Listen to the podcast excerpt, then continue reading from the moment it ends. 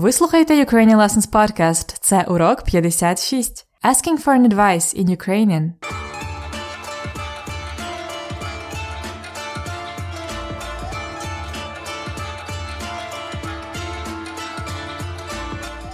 Добрий день! Ви слухаєте подкаст для всіх, хто вивчає українську мову. Мене звати Анна, і я ваша вчителька української. Зараз я говорю українською, але потім я буду говорити англійською. Тому не бійтесь. Сьогодні ми починаємо новий розділ подкасту і новий відмінок.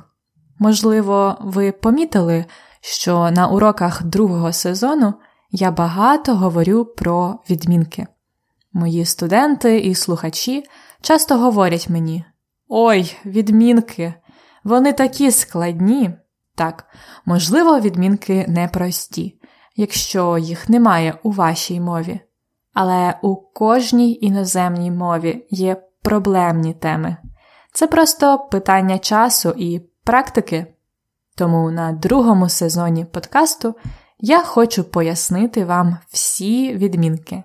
Ми вже вивчили називний у множині, родовий, давальний відмінок, і сьогодні будемо вивчати знахідний відмінок.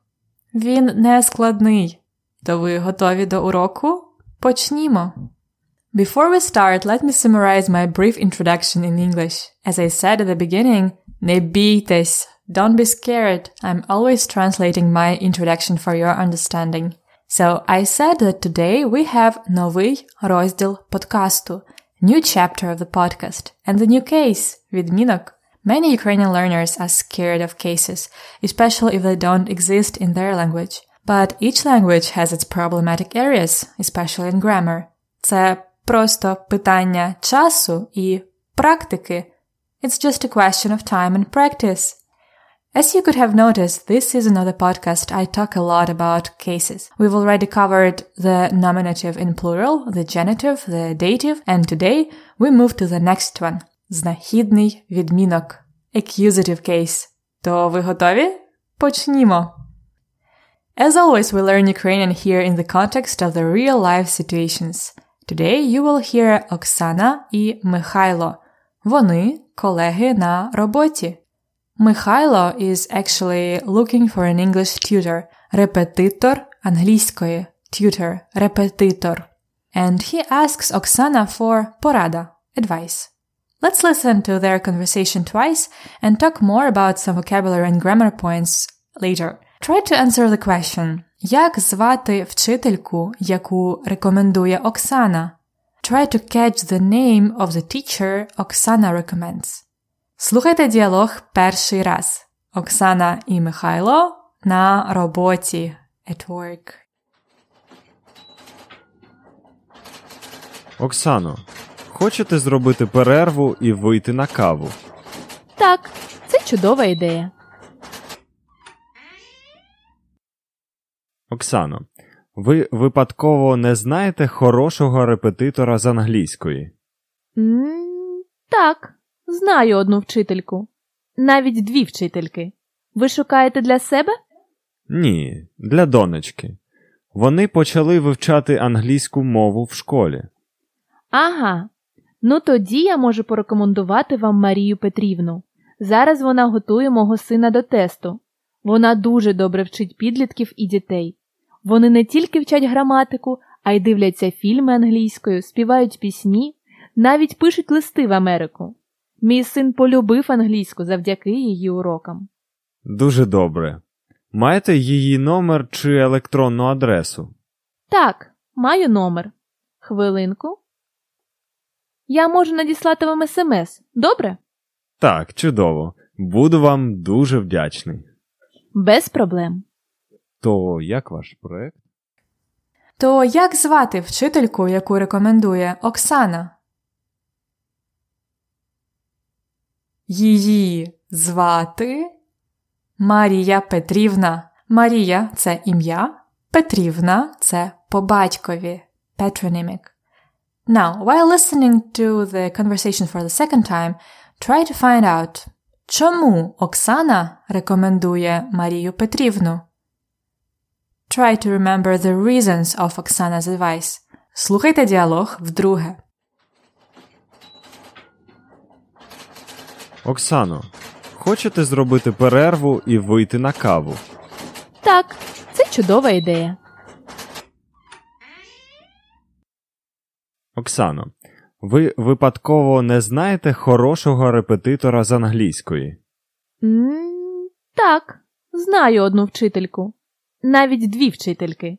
Ви шукаєте для себе? Ні, для донечки. Вони почали вивчати англійську мову в школі. Ага. Ну тоді я можу порекомендувати вам Марію Петрівну. Зараз вона готує мого сина до тесту. Вона дуже добре вчить підлітків і дітей. Вони не тільки вчать граматику, а й дивляться фільми англійською, співають пісні, навіть пишуть листи в Америку. Мій син полюбив англійську завдяки її урокам. Дуже добре. Маєте її номер чи електронну адресу? Так, маю номер. Хвилинку. Я можу надіслати вам смс. Добре? Так, чудово. Буду вам дуже вдячний. Без проблем. То як ваш проект? То чому Оксана рекомендує Марію Петрівну?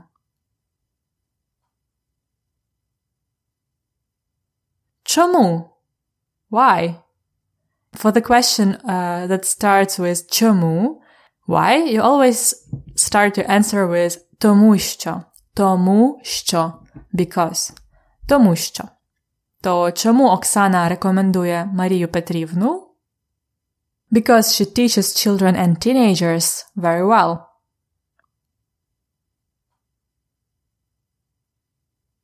Тому що вона добре вчить дітей і підлітків. Тому що вона добре вчить дітей і підлітків. Don't worry if you don't get the cases right, we will get back to this. Добре? Then Оксана elaborates. Вони не тільки вчать граматику, а й дивляться фільми англійською, співають пісні, навіть пишуть листи в Америку. Мій син полюбив англійську завдяки її урокам. All these sentences have nouns in the accusative case знахідний відмінок вчити граматику, дивитися фільми, писати листи, любити англійську. То чому ми використовуємо там знахідний відмінок? Why? Why do we use accusative there? Тому що це прямий додаток. It's the direct object, which means the noun directly follows the verb. The direct object is the main use of the accusative case in Ukrainian. We will talk about some other uses during the next episodes. And now let's talk about forming the accusative case. Listen to the beginning of the dialogue again. Оксано, хочете зробити перерву і вийти на каву? Так, це чудова ідея. Михайло asks Оксана if she wants to зробити перерву і вийти на каву. To make a break – перерва, перерву, and go out for coffee – get out of the room for coffee – вийти на каву. We use знахідний відмінок here after зробити і вийти на. In both cases, the words are feminine – кава і перерва. So we just change their endings to u to make them accusative. This is probably what's the easiest in the accusative case. Any word finishing with a, ya changes to u, you in accusative. Слухати музику, читати книгу, зустріти подругу. It doesn't matter in feminine if we're talking about a person or an object. However, it does matter for the masculine nouns. The masculine and neuter nouns that mean objects or abstract things, not people, simply don't change in accusative. So we have читати журнал, дивитися кіно. Журнал stays журнал. Кіно stays кіно. But the masculine nouns change if they mean people or animals, so-called animate nouns. Listen. Оксано, ви випадково не знаєте хорошого репетитора з англійської? м так, знаю одну вчительку. Навіть дві вчительки. Михайло is asking if Оксана knows by any chance, випадково, хорошого репетитора з англійської. In this case, repetitor, a tutor, is masculine and it's a person, so the accusative of it will be repetitora. The accusative of uh, people in masculine uh, has ending a я. Я знаю Івана, я бачу хлопця. Ви випадково не знаєте хорошого репетитора з англійської? Хорошого репетитора. Хорошого good is an adjective which follows the, the case of the noun repetitor and therefore it's also accusative of people and it has the ending ого, just like in genitive. Хорошого репетитора. The feminine adjectives have the endings ую like nouns. Like here, listen. Ви шукаєте для себе? Ні, для донечки. Вони почали вивчати англійську мову в школі. Ага. Ну тоді я можу порекомендувати вам Марію Петрівну. Вивчати англійську мову. Можу вам порекомендувати Марію Петрівну. Англійську мову. Марію Петрівну. Again, in feminine, it's very easy. Both adjectives and nouns get the endings u, u in accusative. And what about plural? It also depends of the meaning of the word, whether it's animate or inanimate, a person or an object. Listen. Вона дуже добре вчить підлітків і дітей. Вони не тільки вчать граматику, а й дивляться фільми англійською, співають пісні, навіть пишуть листи в Америку. So when the word in plural is not a person, it's inanimate, it is so simple. Just don't change anything. Like in дивитися фільми англійською, співати пісні, пісні, писати листи, листи, letters. If the word is animate, though it means some people, you have to use the genitive plural form for the accusative plural. Вона дуже добре вчить підлітків і дітей. She teaches very well підлітків, teenagers і дітей і and children. Okay, the genitive plural is not the easiest thing ever, but you can go back to the episode 48 where we talk more about it at ukrainianlessons.com slash episode 48. Also, if you receive the lesson notes from me, you can find the one-page table with all the accusative case endings for your convenience. And now let's listen again to the last part of the episode. Маєте її номер чи електронну адресу? Так, маю номер. Хвилинку. Я можу надіслати вам смс. Добре? The word I wanted to pay your attention at is a very useful one. Хвилинку. Хвилинку. Хвилинку means just a minute in Ukrainian. Хвилина is a minute. Хвилина. Хвилинка is a little minute. Yes, we have shorter minutes in Ukrainian too. And if you want to say just a second for a shorter moment, say секунду, or even shorter, секундочку. Хвилинку. Секунду. Секундочку. Добре. То ви готові послухати діалог ще раз?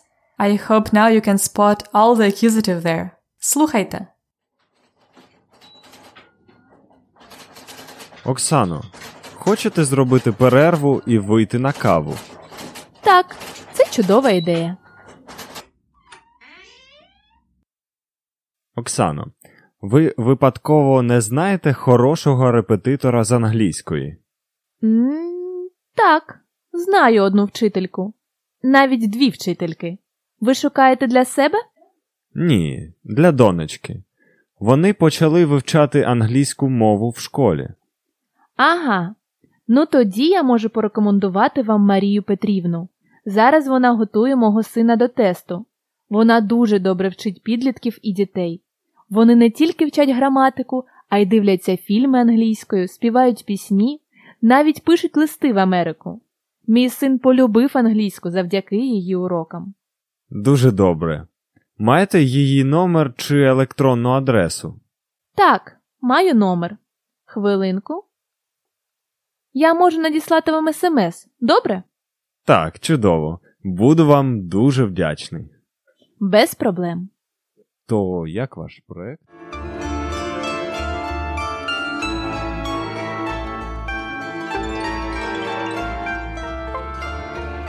Час практики. Let's take some words and make them accusative – знахідний відмінок. We will use the phrase можеш порекомендувати мені. For example, I say цікава книга and you make it accusative. Можеш порекомендувати мені цікаву книгу?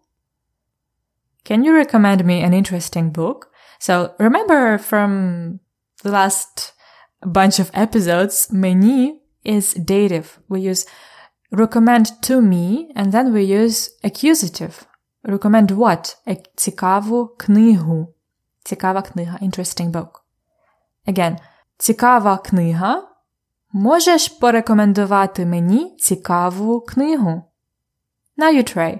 Цікаве кіно.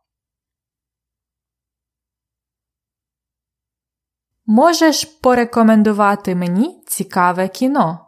Цікаве кіно is neuter, it doesn't change. Цікавий музей.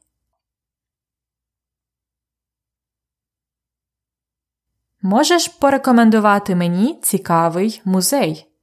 Цікавий музей is masculine, doesn't change. Хороша кав'ярня.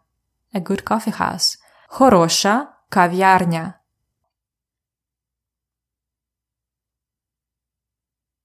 Можеш порекомендувати мені хорошу кав'ярню? Both adjective and noun changed to u ending. Next цікаві події в Києві. Interesting events in Kyiv. Цікаві події в Києві.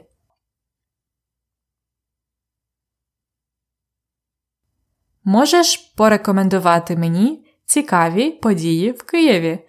As it's inanimate, we don't change it in plural. And the last one. Репетитор української.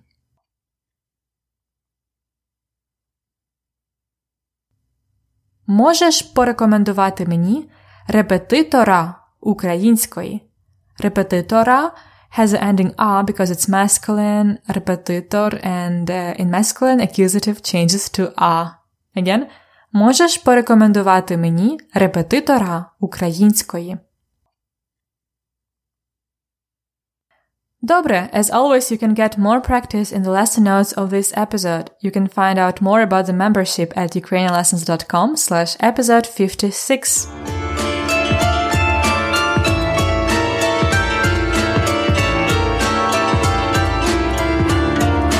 Культурний факт на подкасті. In the conversation, the English tutor звати Марія Петрівна. As I said, Марія – це ім'я, а Петрівна – це по батькові, patronymic. What is patronyming and how often is it used in Ukraine? Ім'я по батькові is literally the name after the father. In Ukraine, we usually don't have the second names, but we have the name by the father. For example, мого батька звати Василь. Василь is my father's name. That's why I am Anna Васильівна, а мій брат and my brother is Микола Васильович. По батькові is formed by adding Ivna for girls and Ovich for boys. In our Ukrainian IDs we have ім'я, прізвище і по батькові. So in school from elementary to high school we call our teachers by ім'я і по батькові, like Тетяна Миколаївна, Василь Вікторович, and so on.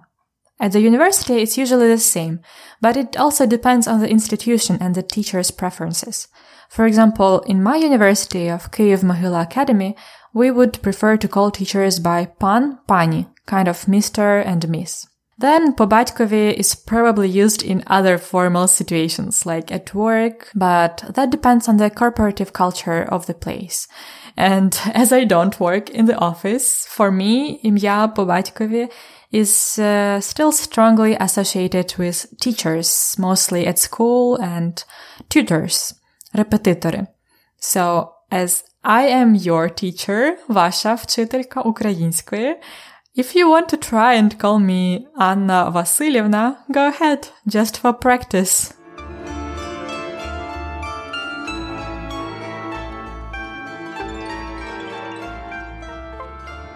І це все на сьогодні. As we progress with the podcast, lessons become longer and have more new words and more advanced grammar. I hope it's not too frustrating for you. You can always come back to the problematic points of the lesson and re-listen the episodes at your convenience, or just ask me questions in the comments area on the blog.